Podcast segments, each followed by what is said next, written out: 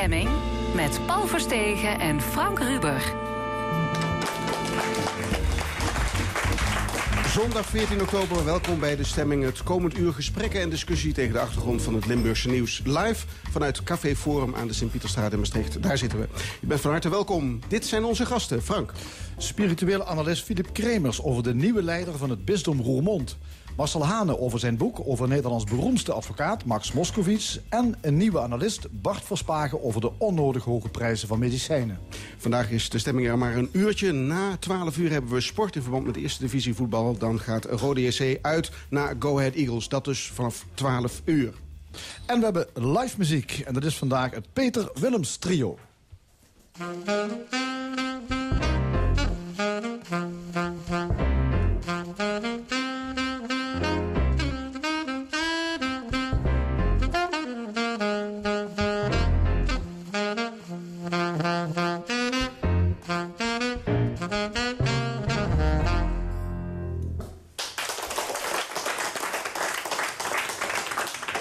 Het heeft even geduurd, maar deze week werd er eindelijk een nieuwe bisschop van Roermond benoemd. Harry Smeets volgt Frans Wiertz op, die al in het voorjaar van 2017 aankondigde dat hij zou stoppen.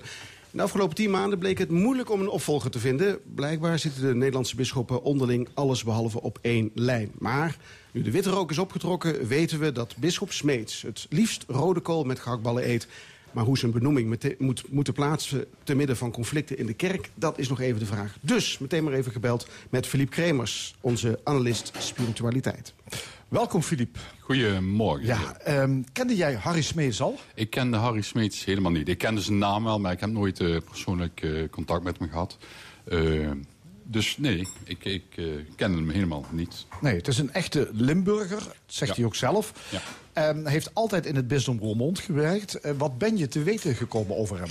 Nou ja, een echte Limburger, dat wil inderdaad zeggen. Geboren in Heerlen. Dus we kunnen ze even zijn leven doornemen. Geboren eh, in Heerlen, vervolgens in Born opgegroeid. Serviam College in Sittard. Toen naar Utrecht, Nederlands studeren.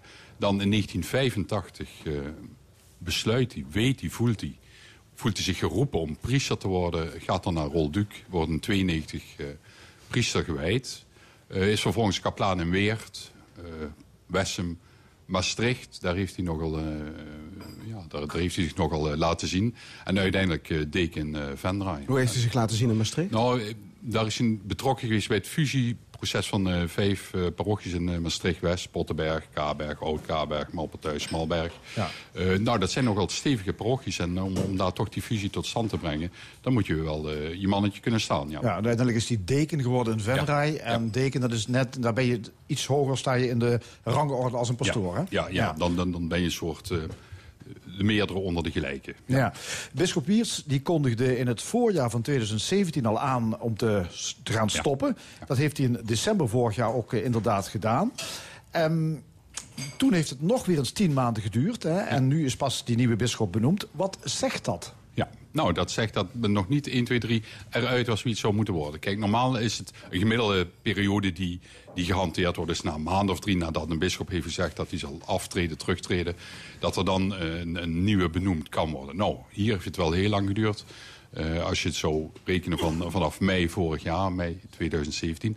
Eh, en de procedure is, zo, is, is zodanig dat het kathedraal kapittel, de adviesraad van de bisschop, die maakt een voordracht. En die voordracht gaat naar de bisschoppenconferentie en naar de nuncius. De nuncius is een soort ambassadeur vanuit Rome. Eh, eh, vervolgens het bisschoppencollege bespreekt die kandidaten die door, eh, door het kathedraal kapittel zijn voorgedragen. Die moeten dus eigenlijk al hun mening daarover geven. Daarnaast moet het bisschopcollege zelf ook een lijstje maken van drie namen. Nou, dat moet ook weer naar de nuncius toe. Dus onderweg kan er van alles gebeuren waardoor mensen zeggen van... ja, maar dit is eigenlijk niet een goeie en dat is eigenlijk ook geen goeie... en die zou dit moeten doen en die zou dat moeten doen en die wil ik niet kwijt. Dus eh, na verloop van tijd blijkt opeens dat er uit misschien wel maximaal zes maanden... eigenlijk niemand echt eh, naar voren geschoven kan worden. Nou, dat komt dan bij de nuncius terecht. Ja, en die ziet dan dat hij maar een zeer beperkte voordracht kan geven aan het, eh, wat ze dan noemen de congregatie van bisschoppen in Rome, die dat dan weer haar voordracht doet aan de paus. Uh, ja, onderweg gaat dat dan blijkbaar mis. Dat komt men er niet goed uit wie nu een geschikte kandidaat zou ja, kunnen zijn. Waar, waar, verwacht je? Waar, waar zit de grote pijn? Waar, wat is het moeilijke? Ja, zit dat in het kathedraal kapittel, dus in het bisdom Roermond? Of zit dat tussen de Nederlandse bisschoppen? Ik, ik, denk, mijn inschatting is dat het vooral binnen de Nederlandse bisschoppen zit. Kijk, wat we, wat we weten, wat we, ik in ieder geval weet... is dat, dat, dat men wel uh, binnen het kathedraal kapittel... eens was over de kandidaten die naar voren geschoven zijn. Uh, maar vervolgens uh, is die bisschoppenconferentie. Ja, daar, worden de, daar vindt de serieuze krachtmeting plaats in, in, in, termen van... ja, wat voor een soort kerk willen we nu eigenlijk zijn hier in Nederland? En wat willen we uitstralen? En dan is, hebben we aan de ene strijd kant... tussen de conservatieve en de progressieve bisschoppen? Ja, zo, zo, mag je dat noemen. Je kunt ook zeggen dat de, de, de, aan de ene kant zijn dat uh, bisschoppen onder leiding toch van kardinaal Eijk... die een redelijk steile manier van denken hebben... die recht in de leer willen zijn... die denken dat het instituut alleen de toekomst ingedragen kan worden... wanneer mensen zich maar strikt aan die leer houden. En dat tegenover staat wat we dan misschien kunnen noemen... de meer pastorale inschatting van hoe de toekomst tegemoet getreden moet worden. En dat, dat zijn met name bisschoppen die toch het idee hebben van... ja, maar ja, wij als bisschoppen wij zijn niet de enige die hierover kunnen beslissen. We hebben te maken met gelovigen die zeker sinds Vaticaan II ook echt een eigen rol te spelen hebben. En we moeten wat er leeft aan, aan, aan vragen, aan, aan, aan wensen van mensen, van het volk gods, zo wordt dat dan genoemd. Dat moeten we meenemen in uh, onze voordracht. Ik, ik, vertaal het zo, je hebt mensen die zijn streng in de leer... er zijn mensen die zijn wat, uh, wat rekkelijker in die zin. En ik begrijp ook, het, het, het, het was eigenlijk een 3-3 situatie. Dus als je een bischop in Roermond benoemt... Mm. Dat is nummer 7. Ja. nou ja, ja. Dat, dan creëer je dus een meerderheid voor één van beide partijen. Ja, ja, maar je moet even opletten, want nu doe je alsof er maar zeven bisschoppen zijn. Maar Nederland kent elf bisschoppen en ook hulpbisschoppen. En die hebben ook een stem in dat hele college. Dus er zijn al elf. Eh, maar goed, even goed. Uh, ik denk wel dat uh, de keuze voor de bisschop van Roermond... wel iets zegt over, over, over hoe het evenwicht in dat college zich verder zal ontwikkelen. Ja. ja. De naam Everard de Jong werd heel vaak genoemd. Hè? En uiteindelijk wordt hij het dan niet. Uh, wat zegt dat? Ja, nou, dat zegt dat hij waarschijnlijk toch niet uh, voldoende kandidaat voor iedereen is om, om, om bischop te kunnen worden. Dus aan de ene kant denk ik dat hij uh, ja, toch tot het conservatieve, het stijle kamp wordt Hij is nu hulpbisschop van Roermond trouwens. Ja, ja. ja, precies. Hij is nu hulpbisschop van Maar waarschijnlijk worden hem ook niet de, de kwaliteiten toegedicht... die nodig zijn op dit moment in, in Bisschop. Bovendien inderdaad, wat je zegt, hij is al hulpbisschop van uh, Roermond. Dus hij heeft al een bepaalde naam ook. En dus als je fris, fris en onvervroren je werk uh, moet gaan doen in zo'n situatie... ja, dan, dan, ja, dan heb je, sta je al op achterstand als je een naam hebt. Ja, we toch even naar, eh, naar Harry Smeets gaan, de nieuwe bisschop. Ja. Um, ja. Die zegt zelf dat het beleid van bisschop Gijzen ertoe geleid heeft dat hij in de tijd priester is geworden. 1985 geloof ik. 1985, ja, ja. ja, dat is op zich wel een belangrijk jaar hoor, 1985. Dat is ook het jaar van het pausbezoek. En je kunt je wellicht herinneren, of in ieder geval mensen die luisteren... Uh, dat dat ook een, een jaar was waarin de polemiek tussen de stijlen, om het zo maar te zeggen... en de rijkelijke, zoals jij dat zegt, uh, toch, toch op een soort hoogtepunt was. Hè. De 8 mei-beweging kwam daaruit voort.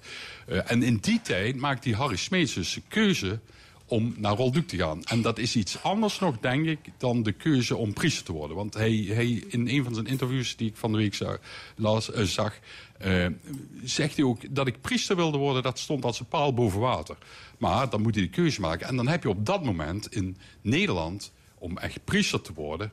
waar Gijzen heel uitdrukkelijk Rolduc neerzet als het seminarium om priester te worden. Want je hebt wel die katholiek-theologische universitaire opleidingen. Maar ja, ja, zijn dat dan echte priesterkandidaten? Zo wordt in ieder geval door Gijzen naar voren geschoven. Maar Gijzen was daar, was daar niet, stond daar in alleen toch tamelijk? Hij stond daar, ja, ja, ja, ja, ja, ja. Er, waren wat bewegingen. Dus met andere woorden, Smeets heeft toch wel bewust voor die opleiding gekozen... en dus voor de lijn van Gijzen in die ja, tijd. Nou, nou ik, ik heb nog steeds neiging om te zeggen... hij heeft in ieder geval voor Rolduc gekozen. Omdat er nauwelijks alternatief was in Nederland. Maar dat was een hele strenge priesteropleiding volgens de ja, dat was van Gijs. Ja, ja, ja, maar het was ook duidelijk een priesteropleiding. Het was niet, je werd niet zomaar theoloog of pastooraalwerker. Nee, ja. je werd echt maar, maar, zeg je, maar heeft hij daarmee niet, daarmee niet ook de keuze gemaakt... dus voor de lijn Gijzen? Ik denk natuurlijk, ik bedoel, als je die keuze maakt naar Rolduc... dan heb je ook zoiets van, ja, het is in ieder geval niet een lijn waar ik me tegen af zal zetten. Of waar ik, waar ik geen bezwaren tegen nee, en, ja. en opmerkelijk is dat de afgelopen week, als ik zie de beschrijvingen over Harry Smeets... dan zie ik dat het juist, uh, dat hij eigenlijk meer in de lijn van Paus Franciscus wordt gezien. Ja. Hè, als een herder, als een man van het volk.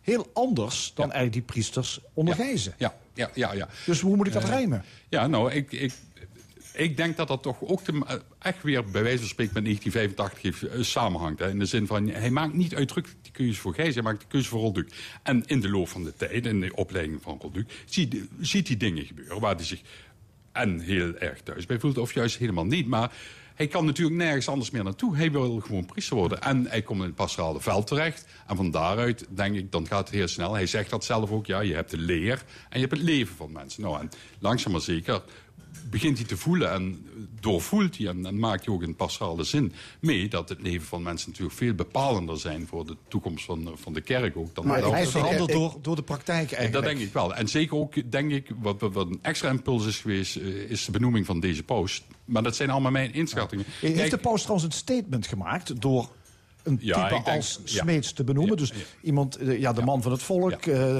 geen, geen steile ehm, theoloog. Ja, ja ik, ik denk zeker dat daar een, een statement eh, mee wordt gemaakt. Ja, want, want eh, kardinaal Eijk die heeft Ja. een tijdje geleden nog gezegd dat de paus niet rechtlijnig genoeg in de leer is. Mhm. Dus eigenlijk kun je zeggen dat de paus Eijk misschien wel overroeld heeft en op zijn nummer gezet heeft door ja, deze ja, benoeming. Ja, ja. Ik, ik denk dat dat feitelijk ook, eh, ook gebeurt op deze manier. Dat Paus uitdrukkelijk zegt van nee, ja, meneer Eijk, u kunt denken wat u wilt... maar ik vind dat we met Nederland, met de Nederlandse kerk op deze manier verder moeten. En daarmee, met deze benoeming, laat ik zien wat ik dan bedoel. Dat is eigenlijk de tweede keer in de geschiedenis. Hè? Destijds was de benoeming van Gijs notabene Ja. vanuit Rome... Ja. ook een duidelijke Ja. statement die werd gemaakt vanuit Rome... over hoe de koers moest gaan in ja, Nederland. ja de dat denk ik ook. Dat denk ik ook. Alleen was, En- dit wel diametraal tegenover. Precies. ja, precies, precies. Bijna diametraal, ja. Ja. ja. Smeets die wordt bisschop in een periode dat de katholieke kerk misschien wel eh, de moeilijkste periode in haar bestaan uitmaakt.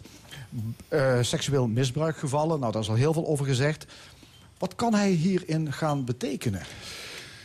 Nou, het, eh, het eh, mooie vind ik dat hij eh, in ieder geval al aangeeft... van ja, we zitten serieus in een, in, een crisis.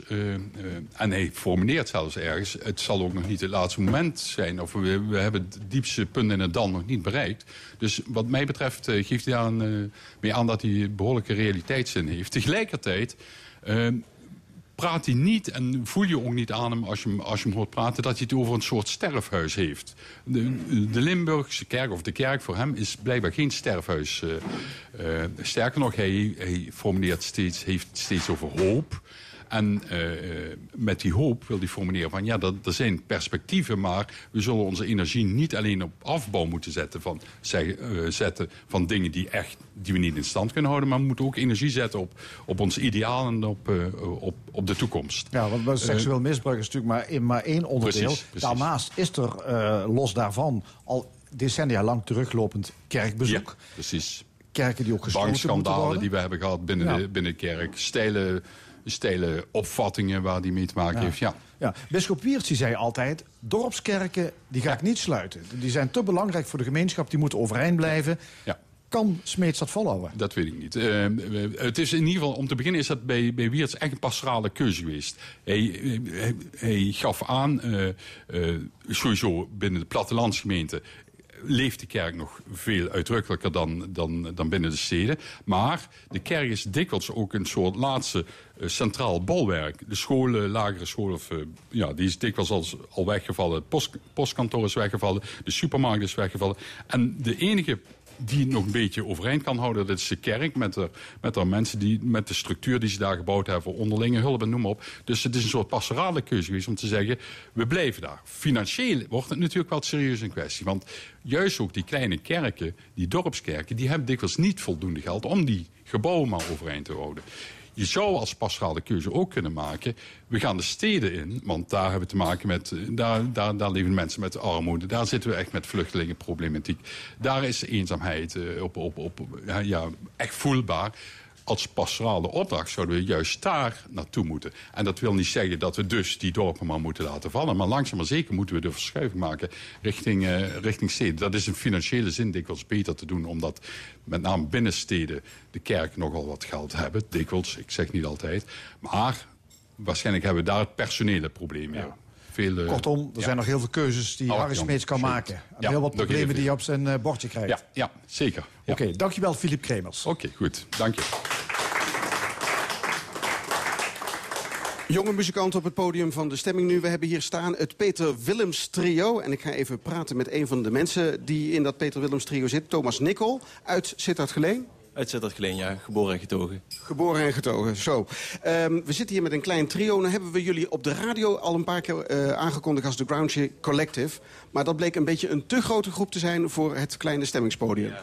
Grouchy Collective is een band waar onze saxofonist en bassist bij zitten. En dat is ook nog uitgebreid met af en toe een tweede saxofoon en trompet en drums. Dus dat uh, is iets groter dan hoe wij hier nu zitten. Even, stel de André even aan, aan ons voor als je wilt. Ja, we hebben Peter Willems, waar het trio naar vernoemd is. Dit is onze bassist. Dan hebben we Jart Vrielink op de saxofoon. En ik ben Thomas Nicol op de toetsen. Hoe oud zijn jullie ongeveer allemaal? Uh, ik ben 18, Jart is 17 en Peter is 19. Die, is, uh, die was eergisteren jarig. Nou, daar moeten we nog even een applaus voor geven, toch? Ja. Maar heel erg jong dus, al spelend in het trio. Hoe hebben jullie elkaar ontmoet? Um, we hebben elkaar ontmoet bij de junior jazz class op het uh, conservatorium in Maastricht. Het was een soort voorbereidende klas voor de jazzopleiding in Maastricht. En uh, ja, daar speelden we alle drie in. Dat was onder leiding van uh, Roderick Povel. En daar hebben we theorieles gekregen en bandlessen. En nou ja, we zijn daar, Jart en ik zijn er nu mee gestopt. Peter doet het wel nog steeds, maar we hadden eigenlijk zoiets van... we vinden het zo leuk om met elkaar te spelen dat we daarmee zijn doorgegaan. Maar in zo'n klas, dan proef je als het ware de eerste stappen in jazz. Leren improviseren, kijken naar elkaar, luisteren naar elkaar. Hoe je samen moet spelen. Ja, dat was, uh, ik denk voor ons vooral het werken in bandverband. Dus, dus we konden al, uh, waren allemaal al redelijk bedreven in het jazz spelen op zich... maar met elkaar spelen is weer een hele andere ervaring. En betekent dat nu dat jullie ook de volgende stap gaan maken... naar het conservatorium als de middelbare school erop zit? Ja, ja Peter zit op dit moment op het conservatorium. Uh, Jart is dat van plan, volgens mij. en ik doe op dit moment een studie muziekwetenschappen in Utrecht. en ik ben van plan om komend jaar ook auditie te doen voor het conservatorium, ja. Goed, jullie komen er wel zo te horen. Thomas Nikkel, uh, jullie gaan zo meteen een nummer spelen. Dat is? D&E, geschreven door Oscar Peterson. D&E van de Peter Wilms Trio.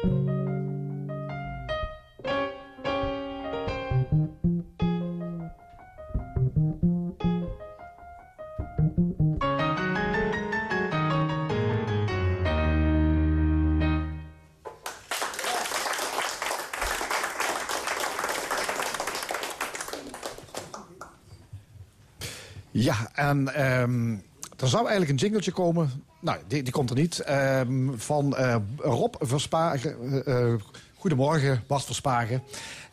Onze nieuwe analist. Ja, het is even, even wennen, want... ehm, nou, er komt echt helemaal niks.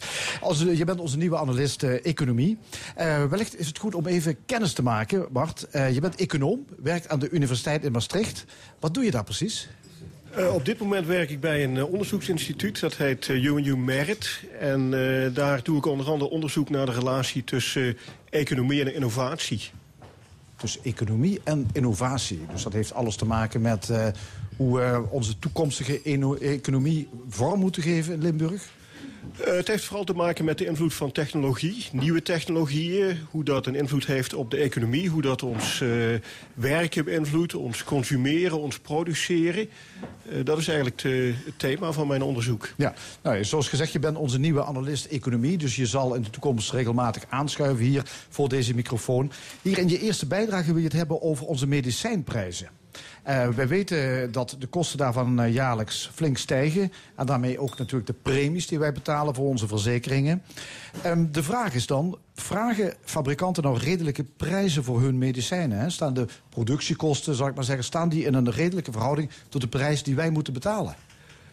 Ik denk dat dat zeker niet in het eh, algemeen het geval is. In sommige gevallen kan dat wel zo zijn, maar je ziet heel vaak dat ja, de prijs van een pilletje eigenlijk heel laag is om dat te maken in een fabriek. Dan heb je het over eh, misschien een euro of zo, terwijl ze verkocht worden voor veel grotere bedragen. En ja, dat jaagt natuurlijk de hele gezondheidszorg, inclusief de mensen die premies moeten betalen, op enorme kosten. Ja, want eh, hoezo? Leg eens uit. Nou, het heeft vooral te maken met het feit dat we, hoewel we aan de ene kant de marktwerking in de gezondheidszorg willen stimuleren, aan de andere kant die marktwerking ook weer buiten de deur houden. Want ehm, producenten die medicijnen op de markt brengen, die hebben eigenlijk heel weinig concurrentie. Die hebben heel vaak het alleenrecht om een bepaald medicijn te verkopen. En ja, als ze het alleenrecht hebben, dan is die patiënt dus aangewezen op dat medicijn... en kan die producent vragen wat hij wil eigenlijk. Ja, het is niet echt een markt van vraag en aanbod, dus... Het is een markt met één aanbieder en heel veel vragers... die heel vaak niks anders kunnen dan dat ene medicijn gebruiken. hè. Als je die ziekte hebt, dan zul je daar eh, gebruik van moeten maken. Toch hoor ik nog wel eens bij de apotheek van dit medicijn eh, schrijven we op dit moment niet voor, want uw verzekering eh, vergoedt dat niet, we doen een andere. Allemaal met... Wat is dat dan? Ja. Ja, dat heeft vaak te maken met eh, zogenaamde generieke medicijnen. Dus waar ik het net over had, dat zijn medicijnen die nog eh, beschermd worden door een patent of een Ja, ja. octrooi. Dat, zijn, dat is hetzelfde, een patent of een octrooi. Op het moment dat zo'n patent afloopt, dan wordt een medicijn generiek, zo noemen we dat. En dan kan het dus door iedereen geproduceerd worden. En ja, hoewel de werkzame stof die in zo'n medicijn zit dan hetzelfde is... zijn er toch nog vaak mensen die dan een voorkeur hebben voor dat merk medicijn... en juist dat ene merk willen hebben. Terwijl, ja, objectief medisch gezien... dat eh, andere merk net zo goed zou werken. Ja, wat zijn eigenlijk de duurste medicijnen? Ehm, de duurste medicijnen zijn eigenlijk de medicijnen die voor heel zeldzame ziektes eh, geschikt zijn. Dus ziektes waarvan eigenlijk maar een paar mensen in Nederland eh, of in Europa zelfs eh, last hebben die daaraan lijden. En ja, dat zijn natuurlijk eh, medicijnen waar heel weinig vraag naar is. En wil je daar een klapper mee maken als producent... dan zul je daar hele hoge bedragen voor moeten vragen. En dat zijn ook de uitschieters waar we het vaak over hebben. Dan heb je het over 1000 euro per pilletje... of eh, enkele tonnen per jaar voor, eh, voor één patiënt die aan zo'n ziekte lijdt. Ja, maar ik heb de indruk dat er steeds meer van dat soort medicijnen gaan komen. Ja, dat, dat komt natuurlijk omdat we door een voortgaande medische wetenschap... ook steeds meer ontdekken over dat soort ziektes. We ontdekken ook dat het een bepaalde ziekte is. Vroeger, eh 50 jaar geleden, ja, dan leed iemand aan zo'n ziekte... maar we konden dat niet helemaal plaatsen. Intussen, door een voortgaande medische wetenschap... weten we precies wat voor een ziekte het is... en weten we ook waar we moeten zoeken om zo'n medicijn te kunnen ontwikkelen. Ja, je kunt dus eigenlijk steeds gedetailleerder een ziekte aanpakken. Dat betekent ook dat je heel specialistische medicijnen op de markt eh, kan brengen. Maar ja, die zijn dus heel erg duur, want ze worden voor een steeds kleinere groep. Ja, ze worden voor een steeds kleinere groep. En ja, ook daar zie je eigenlijk dat oorspronkelijk het idee was dat die producenten... die moesten dat alleen recht krijgen. Die moesten zo'n patent krijgen omdat ze daarmee een prikkel hadden om zo'n medicijn te ontwikkelen. Maar ja, het schiet gewoon erg door. Je ziet dat de winsten die die producenten maken met die medicijnen... in geen verhouding meer staan tot de kosten die ze hebben om zo'n medicijn te ontwikkelen. Ja, de, de, de producenten die denken er anders over. Die zeggen, we hebben wel degelijk gewoon onderzoekskosten. En uh, als we ja, dat niet uh, ervoor in rekening kunnen brengen... dan kunnen wij gewoon dat onderzoek niet doen. Ja, en toch als je dan kijkt, als je studies uh, ziet die daarnaar gekeken hebben... die hebben gedetailleerd voor bepaalde bedrijven of voor bepaalde medicijnen die kosten vergeleken... dan zie je toch dat die winsten vaak veel hoger zijn. Dus het kan allemaal best wat minder. Natuurlijk je moet die bescherming bieden, maar het hoeft niet in die grote mate... zoals wij dat nu met z'n allen besloten hebben om te gaan doen. Ja, ik begrijp dat er ook allerlei trucjes zijn om zo'n patent uh, zo lang mogelijk te, te kunnen rekken, hè? Ja, dat klopt. Uh, oorspronkelijk als je een patent krijgt... dan is het uh, voor een periode van ergens in de buurt van uh, de 20 jaar. In sommige landen is het 18 jaar. En dat is al heel erg lang. Maar vaak zie je dan dat ze door een heel klein dingetje aan zo'n medicijn te veranderen toch dat patent kunnen uitbreiden naar nog veel langere periodes. En ja, er zijn voorbeelden bekend waar het uh, oploopt tot 40 à 50 jaar. En ja, dat is natuurlijk ontzettend lang. En daar kun je ontzettend veel winst uithalen als farmaciebedrijf. Maar wacht, we hebben toch in ons land het systeem dat we verzekeringsmaatschappijen hebben. Die, dat zijn grote instituten. Die bepalen nu toch ook voor een groot deel waar de geldstromen naartoe gaan. Kunnen die daar niks tegen doen? Nou, die kunnen daar wel iets tegen doen, maar uh, het is natuurlijk heel moeilijk. Omdat uh, op het moment dat zo'n uh, verzekeringsmaatschappij... of een paar van die maatschappijen daar iets aan proberen te doen... Ja, dan zijn natuurlijk de patiënten daar in eerste instantie de dupe van. Want zo'n farmaciebedrijf zal niet meteen over de brug komen en die prijs verlagen. En dan krijg je een heleboel publiciteit, terecht ook. Want ja, die mensen hebben gewoon behoefte aan zo'n medicijn. En daardoor zie je dat verzekeringsmaatschappijen daar toch vaak een beetje terughoudend in zijn... en daar niet al te ver in willen gaan. Voor de goede naam en faam. Precies. Ja. Want ja, dat is nog een andere mogelijkheid. Uh, je kan ook bijvoorbeeld als ziekenhuis een medicijn zelf gaan maken. Dan is er een medicijn dat misschien heel erg duur is. De AZ, uh, het uh, ziekenhuis in Amsterdam, Academisch Ziekenhuis in Amsterdam... heeft dat gedaan onlangs met een heel duur medicijn. Dan ga je eigenlijk zelf het pilletje maken. is dat niet een oplossing? Dat zou een oplossing kunnen zijn. Je komt dan wel een beetje in het grijze gebied van de wet terecht. Want ja, dat mag natuurlijk niet. Als er een patent bestaat voor zo'n medicijn... dan mag je ook als ziekenhuis in principe dat niet namaken en op de markt brengen. Maar ja, voor het zover is dat dat allemaal aan de rechtszaal komt... Uh, heeft dat ziekenhuis gedacht, ja, dat, dat risico nemen we nog even... en dan zien we wel weer waar het schip strandt. Maar wat eigenlijk vooral opmerkelijk was in die zaak... was dat op dat moment kwam de inspectie uh, op de proppen en die zei... ja, nee, jullie mogen dat niet omdat de kwaliteit van jullie medicijn niet goed genoeg was. En dan zie je dat behalve die patenten... er eigenlijk nog een hele andere uh, collectie van instrumenten is... die die, farm die farmaciebedrijven hebben om hun marktmacht toch weer te kunnen uitbuiten. Ja. Wat, wat, hoe zou die macht van die farmaceutische industrie... hoe zou die uh, verkleind kunnen worden? Hoe zou je het kunnen aanpakken? Nou, ik denk dat je aan een aantal dingen kunt denken. Je kunt beginnen met de regelgeving te veranderen. Je hebt patentrecht, je hebt allerlei andere reguleringen. En ik denk dat uh, op Europees niveau je die reguleringen, ook het patentrecht, wat zou kunnen versoepelen. En daardoor meer concurrentie zou kunnen introduceren. Je kunt bijvoorbeeld zeggen, laten we geen patenten meer voor 20 jaar uh, verlenen... maar voor 15 jaar of misschien voor 12 jaar in sommige gevallen. En tegelijkertijd het moeilijk maken om die patenten te verlengen. Uh, je kunt ook denken aan op Europees niveau die verzekeringsmaatschappijen en die patiënten bij elkaar zetten. En dan vormen ze een groter blok. En dan hebben ze dus meer macht tegenover die producenten... en kunnen ze de prijzen omlaag krijgen. Dus dat zijn een aantal zaken die je zou kunnen bedenken. Ja, maar ja, ik voel de lobby van de andere kant van de farmaceutische industrie natuurlijk al komen. Die zeggen dan, ja, als patentrecht van 20 naar 15 jaar gaat... is het voor ons niet meer interessant om zo'n medicijn te gaan ontwikkelen. Ja, dat zullen ze natuurlijk in eerste instantie zeggen, maar... Uh, waar we het net al over hadden. Ik denk dat, dat het bewijs daarvoor is niet erg sterk. Dus ik heb er wel vertrouwen in dat als je dat niet al te drastisch doet... Hè, dus je wil niet na vijf jaar gaan of patenten afschaffen... als je dat niet al te drastisch doet dan zal dat best wel meevallen. En dan zullen we nog steeds goed onderzoek hebben wat tot nieuwe medicijnen leidt. Ja, want hoe belangrijk is- is het om die medicijnkosten om die, eh, binnen de perken te houden... als je kijkt naar onze gezondheidszorg?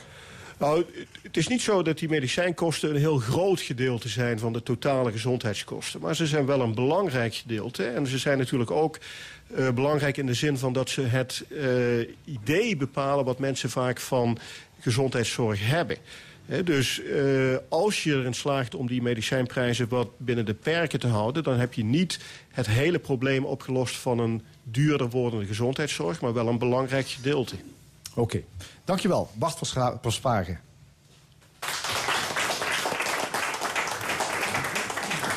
Dit is het live discussieprogramma De Stemming op L1. Voor me ligt het boek De Bokser, het leven van Max Moskowitz... de beroemdste strafpleiter van Nederland. Eh, Marcel Haan heeft het boek geschreven en hij is hier. Zometeen praten we met hem. Maar eerst muziek van het Peter Willems trio. Vanmiddag trouwens nog te zien op het uh, Jeker Jazz Festival... het meerdaagse festival in de leukste kroegjes uh, van Maastricht... waar dan jazz wordt gespeeld. Het Peter Willems trio is onder andere te horen in het Wien-kantor. Dat ligt vlakbij Lumière, als ik me niet vergis. In Maastricht dus vanmiddag. Maar eerst hier nog even met de Worksong. Het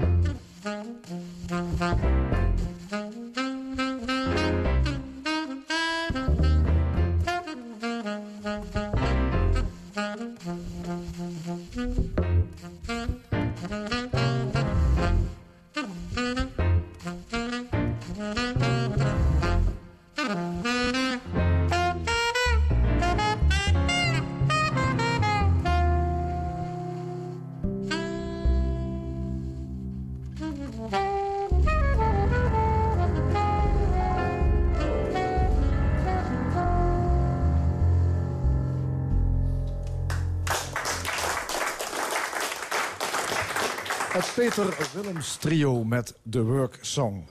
En ze staan ook op uh, Jeker Jazz.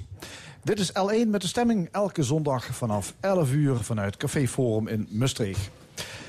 30 jaar lang speelde de gedachte door zijn hoofd. Een biografie schrijven over Nederlands beroemdste strafpleiter Max Moskowitz senior. Nu is het er en het boek doet vooral in Limburg veel stof opwaaien. Het boek De Bokser, het leven van Max Moskowitz... is geschreven door de Heerlandse journalist Marcel Hane. En hij is onze derde gast. Meneer Hane, welkom bij de stemming. Uh, ja, uw boek was nog niet uit of u zat al in de wereld draait door. En daar begon alle ophef. Hè? U zat er samen met de twee zonen van uh, uh, Moskowitz, Max junior en, uh, en Bram. Kwam dat een beetje, overviel u dat een beetje of niet? Ja, zo'n programma heeft een redelijk chaotisch karakter. Ja. en nou ja, goed, de, de, de presentator van Matthijs van Nieuwkerk vroeg aan de zonen wat ze het meest op was opgevallen in het boek. En zij waren met name zeer gegriefd door het stuk dat gaat over het antisemitisme in Maastricht. Dus ook niet alleen voor de oorlog en tijdens de oorlog... maar helaas ook na de oorlog, en eigenlijk tot op de dag van vandaag... is antisemitisme een, een, een veel voorkomend verschijnsel in, in Maastricht. En heeft Moskowitz daar heel erg veel last van gehad. En er staan in het boek een aantal voorbeelden... en concrete gevallen van mensen die zich inderdaad onfatsoenlijk gedragen hebben tegenover Moskowitz... of onfatsoenlijke gedachten hadden... En dat, dat is eigenlijk nooit eerder zo concreet benoemd. Dus voor die zonen was het heel erg schokkend om dat te lezen.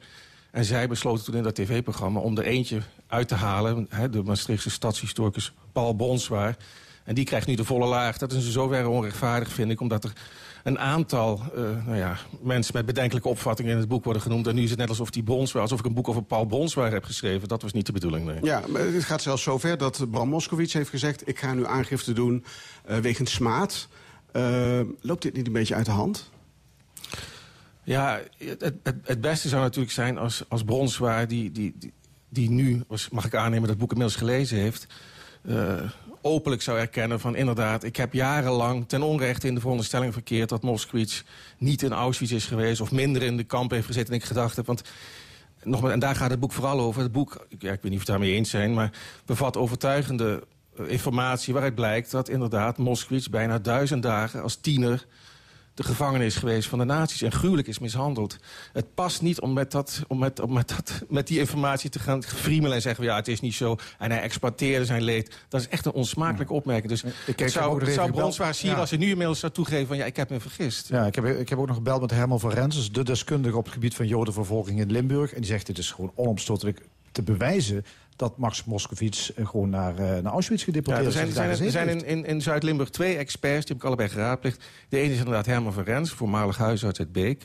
En de andere is Bronswaar, die was leraar Frans hier in Maastricht... en is op latere leeftijd gepromoveerd. En ja, Van Rens die, die, die, die is er ook van overtuigd... dat, het, dat, dat ja. Op geen enkele manier uh, de boel geflesd zou hebben. Maar Bronswaar dacht er anders over en dat wist ik. En toen ik daar was, want hij zegt, hij suggereert van dat ik het Duitse verband heb gerukt... omdat ik niet goed geciteerd heb. Maar ik zat nog niet aan de koffie daar. Of hij begon erover. En de, ja, de, de bandopnames zijn inmiddels in bezit van alleen ook al af en toe. Ja, we hebben het vorige week laten horen. Ja, daarom, er is geen enkele twijfel over mogelijk. Ja. Ik heb hem niks in de mond gelegd. Maar nogmaals, het is zonde om daar al te veel tijd over te praten. Want dat boek is veel mooier en interessanter dan Paul Nou, we gaan het er ook over hebben hoor. Maar dit is natuurlijk wel fantastische publiciteit voor uw boek. Of vindt u van niet? Nee, nee, nogmaals, daar zit ik echt niet op te wachten. Ik, ik heb echt... Je, je zei in je intro, ik heb inderdaad 30 jaar met dit, met dit boek gespeeld in mijn hoofd. En ik heb geprobeerd om een serieus boek van te maken. Dit is volgens mij een aangrijpende geschiedenis. En nu wordt het afgedaan als een soort relletje waarbij... Ja, nee, daar, daar zit ik echt niet op te wachten. Nee. Gaan we het over het boek hebben. 30 jaar heeft u erover gedaan voordat u de stap zette... ik ga nu echt schrijven. Wat is er in die 30 jaar gebeurd? Begint dat dan met een idee van... het zou wel eens leuk zijn om een boek te schrijven over die beroemde strafpleiter... Ja, wanneer komt dan het moment dat je zegt, want 30 jaar, dat is nog een lange periode... Ja. dat je zegt, ik ga, ik ga dit doen? Ja, timing is heel erg belangrijk in de journalistiek. En hoe dat gaat is een beetje een ondergrondelijk proces. Maar ik, ik ben voor het eerst met die gedachte gaan spelen. Toen ik, dat is inderdaad precies 30 jaar geleden. Op verzoek van NRC Handelsblad. Daar, daar werk ik al ja. mijn hele leven. Althans, ik ben mijn hele leven in dienst van NRC Handelsblad. Ik heb nog nooit gewerkt. uh, maar um, toen, toen kreeg ik het verzoek van de, van de krant... of ik een portret wilde maken van Max Moskowitz en zijn familie. En de aanleiding was toen dat een van de zonen, Robert, uh, probeerde zijn vader van de troon te stoten. En er waren allerlei juridische procedures. Bovendien werd die zoon aangehouden wegens heroïneverslaving... en allerlei financieel geknoei. Ja, een hele affaire die een schisma heeft uh, veroorzaakt in het gezin Moskowitz. Ja, ja, ja. dus de, de, de firma, die fascinerende firma Moskowitz, Moskowitz, Moskowitz, Moskowitz... en Moskowitz advocaten viel toen een beetje uit elkaar. Enfin, toen heb ik Max Moskowitz benaderd en uh, gevraagd... van kan ik met u praten voor een goed verhaal over deze aangelegenheid. En ik dacht, die zal vast nee zeggen, want er was geen enkele reden... om op dat moment te willen praten over jouw bedrijf. Maar hij zei ja, en toen heb ik hem leren kennen. En uh, het is een buitengewoon beminnelijke man en een fascinerende man.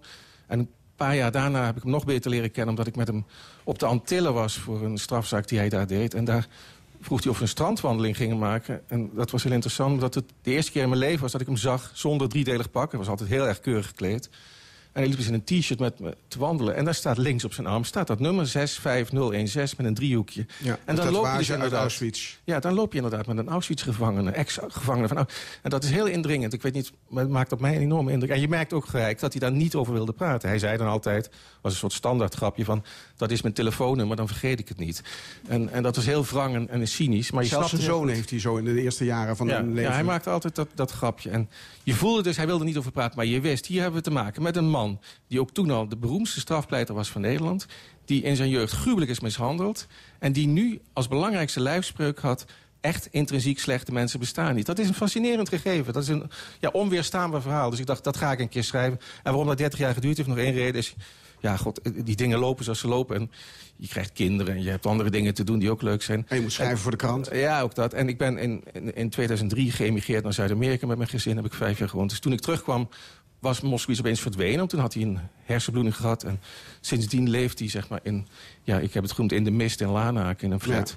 Maar nu dacht ik, nu wordt het hoog tijd om het te doen. Want voor je weet zijn al die getuigen weg. Want Moskowitz was zelf niet meer aanspreekbaar. Maar er was een moment waarop u zei van, nu ga ik het doen. Wat was dat? Ja, ik, ik heb een vriendin, die is ook historica. Daar speelde ik mee en die, die stimuleerde het heel erg. Ik ben eerst naar, met haar naar Polen geweest. De familie Moskowitz komt uit een oosthoek, zuidoostelijke hoek van Polen. Daar zijn we gaan kijken. Dat is gewoon machtig interessant om dat, om dat, om dat te bezoeken, zo'n gebied. Dat is het gebied wat vroeger behoorde tot het 100 jaar geleden nog... tot het koninkrijk van Galicië en Lodomerië. Daar woonden een half miljoen Joden destijds. Die zijn allemaal uitgemoord of verdreven. Het is echt ongelooflijk. Elk decorstuk wat herinnert aan het Joodse verleden is vernietigd. En eh, nou ja, daar heb ik het eerste onderzoek gedaan. Mensen gesproken, getuigen ge- ge- gevonden. En dan dacht je, ja... Maar dan heb je eigenlijk al een stap gezet. Hè? Dan Ja, nee, maar al heel duidelijk bezig met, met research. Een, ja, het was een rotdag, het regende. Ik kan me herinneren dat we op, een, op de restanten van een Joodse begraafplaats stonden... om te kijken naar sporen in een dorpje waar de familie vandaan komt. En toen stond ik op een gegeven moment met mijn zakdoek mos te wrijven van die stenen... om te kijken wie, wie ligt hier nou eigenlijk. En ja, dat, dat zijn van die momenten dat je ja, ik ben nou wel behoorlijk ver heen, dus ik ga dat, ik ga dat gewoon helemaal uitzoeken. Het zit. En, eh, Maar u wist op dat moment ook, met Max zelf kan ik er niet over praten. Nee, Max Moskowitz is niet aanspreekbaar. Dus het, ja, hij zit eigenlijk al, al jarenlang eh, eh, ja, in zijn flat. En ik, ik heb wel contact met hem. Ik heb hem ook af en toe bezocht. En ik heb hem ook wel verteld wat ik aan het doen was. Maar het was niet zo dat je kon zeggen... Max, kunnen we even deze strafzaak nog eens doornemen? Laat staan dat je kon zeggen... laten we nog eens praten over de oorlog. Nee, dus, en er was, in, toen ik begon aan het boek, er was helemaal niks. Het was niet zo dat de familie op zolder dozen had... van hier, kijk, kijk eens jongen, sorteer het maar leuk. Nee, er was echt helemaal niks. Dus een van de belangrijkste opdrachten was... Is het überhaupt mogelijk om die oorlog, waar hij dus nooit over gesproken heeft, substantieel, die te kunnen reconstrueren? En dat blijkt, ja, dat blijkt wonderlijk wel mogelijk. Ja. Want ook eh, in de tijd dat hij nog wel aanspreekbaar was... was eh Moskowitz zeer eh, eh, gesloten over dat oorlogsverleden. Hij zei er bijna niks over. Hij zei er bijna niks over. Alleen aan het einde, ja, het einde, dat mag je niet zeggen... maar toen hij een jaar of zeventig was, begon hij erover te praten. En dat kwam omdat er toen steeds vaker holocaust-ontkenners waren... die zeiden, het heeft nou plaats, die, moord op 6 miljoen Joden... ja, dat is een bewering, dat staat nog helemaal niet vast. En toen zag Moskowitz als een dure plicht... om te getuigen als overlevende van die gruwelijke oorlog. Maar er zijn tal van momenten geweest die, eh, of tal, er zijn momenten geweest die Moskowitz had kunnen aangrijpen om, eh, om zijn verhaal te vertellen. Hè, Nielt heeft eh, op een gegeven moment pogingen gedaan, heeft hij laten liggen. Er is in de jaren tachtig zijn er op een gegeven moment eh, eh, interviews gedaan in het kader van de Shoah-verfilming. ook mogelijkheden voor mensen die er hebben gezeten in die kampen om hun verhaal te vertellen. Max deed niet mee. Waarom niet? Maar hij kon het niet. Hij was gewoon, ja, een vriendin van hem noemde dat, dat Max emotioneel incontinent werd als hij over de oorlog moest praten. Hij moest gewoon vreselijk huilen. En als je nu leest wat er, ik ben er zelf wat er nog emotioneel maar als je nu leest wat hem is overkomen in dat boek, en dat is echt gruwelijk, dan snap je heel goed dat hij daar niet over kon praten. Ja. Dus, eh, dus hij deed dat niet. En hij vond ook trouwens, want dat na de oorlog, kort na de oorlog werden degenen die terugkwamen uit die kampen, die het hadden overleefd, die werden onmiddellijk gehoord door het Rode Kruis of door andere instanties. En hij vond dat die instanties gefaald hadden. Dus hij zag het ook als een soort, ja, ik, ik wil er niks meer mee te maken hebben. Dat was Meteen een het ook. stellingname eigenlijk. Ja. En daarom is trouwens ook nog, tenslotte, om nog één keer iets over de Bondswaard te zeggen... heel gemeen om te zeggen dat hij een holocaust-exploitant is. Want hij heeft er nooit over... Hij heeft niet zijn verschrikkelijke tragedie benut om er sympathie of weet ik wat voordeel mee te halen. Nee, in tegendeel, hij kon er niet over praten. Ja. Zijn zonen, zijn echtgenoot weten er helemaal niks van. Ja. Ja. En zijn ook op allerlei manieren, dat begreep ik wel van Bram... eh, in het eh, gesprek van De Wereld Door... beïnvloed door dat holocaustverleden. Ja, natuurlijk. Die, De, de oudste zoon bijvoorbeeld, ik heb die zonen geïnterviewd voor het boek. Ja, de oudste zoon is David, uit 1950. Die zei, de belangrijkste les die ik van mijn vader kreeg... was vertrouw niemand, zelfs je eigen schaduw niet. Ja, als je dat voortdurend... eh, Max, andere zoon van hem, die, die, die, die had zoiets van... dat je hele leven tot op de dag van vandaag kwaad op de maatschappij, op de wereld... om wat ze zijn vader en zijn familie hebben aangedaan. Dus als je dat zeg maar meekrijgt in je opvoeding... Ja, dan ben je ja, dan ben je zo gesloten. Je staat heel wantrouwig ten opzichte van de buitenwereld. De vader had bovendien de opvatting van... ik heb geen vrienden nodig, want ik heb al vier zonen. Daar kan ik mijn hele leven de rest gelukkig mee worden. Nou ja, dan, dan, dan, dat, dat, dat, dan, dan ben jij ook oorlogsslachtoffer als zoon. Ja, dat tekent de rest van je leven. Dat is onvermijdelijk. En als we dan kijken naar de stap die hij gezet heeft... om op een gegeven moment strafpleiter te worden... hoe bepalend is dan zijn, zijn jonge jaren in, in, in, in dat kamp geweest? Ja, zeer bepalend natuurlijk. Eh, Wat mij opviel is dat hij tot op het laatst... Nou, tot op het laatst, hij, hij leeft gelukkig nog, maar... tot op hoge leeftijd een, een soort engagement voelde met, eh, met, eh, met gevangenen, met gedetineerden. Hij had ook achter het prikkeldraad gezeten. Dus, hij wist eh, hoe het was, hij kon met die mensen praten. Een van de dingen die ik voor het boek wilde doen... was niet alleen met, met collega's spreken, rechters, officieren van justitie... criminologen, maar ook met criminele cliënten van hem. En een van de interessantste boeven die hij bijstond... is Johan Verhoek, die meer bekendheid geniet onder de naam De Hakkelaar. Die heb ik een jaar lang lopen stalken in de hoop dat hij mee zou werken. En uiteindelijk deed hij dat. En dat is een hele interessante man. Johan Verhoek is van oorsprong zigeuner. En die, die is in de hashhandel terechtgekomen. En de grote hashhandel. Hij, hij is uiteindelijk vervolgd voor het importeren van 300.000 kilo hash uit Pakistan. Maar het viel mij op dat die man is veroordeeld, heeft zijn straf uitgezeten. En zelfs daarna is hij iedere week op bezoek gegaan bij Max Moskowitz. Zelfs toen Max Moskowitz ziek was, ziek was heeft hij Johan Verhoek nog ontvangen. Hij vond dat prettig. Hij, vond dat, hij kon met die mensen praten. En hij had niks met het, met Waarom het, kon hij met praten? establishment. Omdat dat ook een, een, een, een groep, een, een- bevolkingsgroep is geweest... die in de oorlog het ja, dat speelt zwaar een, belangrijke rol. Ja, we hebben het Ook boek vervolgd zijn door de We hebben Duitsers. het boek hier vorige week in Maastricht gepresenteerd... in de synagoge met muziek van de zigeuners. Want ook zij zijn inderdaad naar de vernietigingsfabriek van, van, de, van de nazi's gestuurd. Ja. Dus daar voelde hij zekere solidariteit mee. Er waren ook cliënten die hij... Hij, hij, hij, het was een dure advocaat, hij vroeg goed geld voor zijn werk. Maar er waren veel cliënten die er gratis bij stond. Onder andere Joodse gedetineerden, maar ook zigeuners. Ja. Ik hoorde jou zeggen, hij, hij had niks met het establishment. Nee, ja, een beetje. Hij, hij, vond het prettig als hij serieus werd genomen door het juridisch establishment. Maar het was geen snop. Hij, kon, hij, kon, hij, kon, hij kon met, laten we zeggen, tussen gewone mensen het heel goed vinden. Dat was niet... Hij las gezicht. Hij kon erkennen of hij iemand leuk vond of niet leuk vond. En dan was niet afhankelijk van je functie of rang die je bekleedde. Hij had überhaupt heel weinig vrienden, inderdaad. Ja. Twee eh, eh, aspecten hoor ik van collega's als het gaat om zijn rol als strafpleiter. De ene zegt van eh, hij was heel, heel erg menselijk. De andere zeggen hij was als graniet. Hij was arrogant. Dat zijn nogal wat uitersten. Ja, nee, het, is, het, het kan allebei. Kijk, het boek heet De Boksen, omdat, eh, omdat dat ik ontdekt heb dat hij in Auschwitz eh, gebokst heeft. Het was zo dat de Duitsers op zondag, als de gevangenen niet hoefden te werken... voetbalwedstrijden organiseerden, ter eigen vermaak. Maar ook bokswedstrijden. En Max was heel erg populair bij de nazi's. Hè? ja, en Max Moskowitz had voor de oorlog hier in Wiek al eh, gebokst... en kon dat een beetje en raakte betrokken in een circuit van boksers. En dat was het voordeel dat ze extra voedsel kregen. Die mannen die moesten boksen, ja, die, kon je, die moesten natuurlijk een beetje aansterken. Dus die kregen een liter extra soep per dag. Dat heeft geholpen. Maar hij heet, het boek heet ook De Bokser, omdat Max als, als advocaat... Die, die metafoor is heel aantrekkelijk. Je zag hem gewoon in die rechtszaal, in die ruimte tussen rechters... officier van justitie en verdachten... Je zag hem daar ronddribbelen. Hij had een soort oude envelop in zijn hand met wat steekwoorden die hij dan ging gebruiken. En dan, ja, dan, dan, dan kletste hij weg. Hij praat ontzettend mooi. En dan op een gegeven moment deelde hij de fatale klap uit, ja. en of dat nou, ja, jij zei of dat arrogant is of niet... maar hij, hij was gewoon, als, als pleiter was hij onverslaanbaar. Hij, kon het, hij had de gave van het woord. Hij kon ontzettend mooi praten. En je, je, je, luisterde.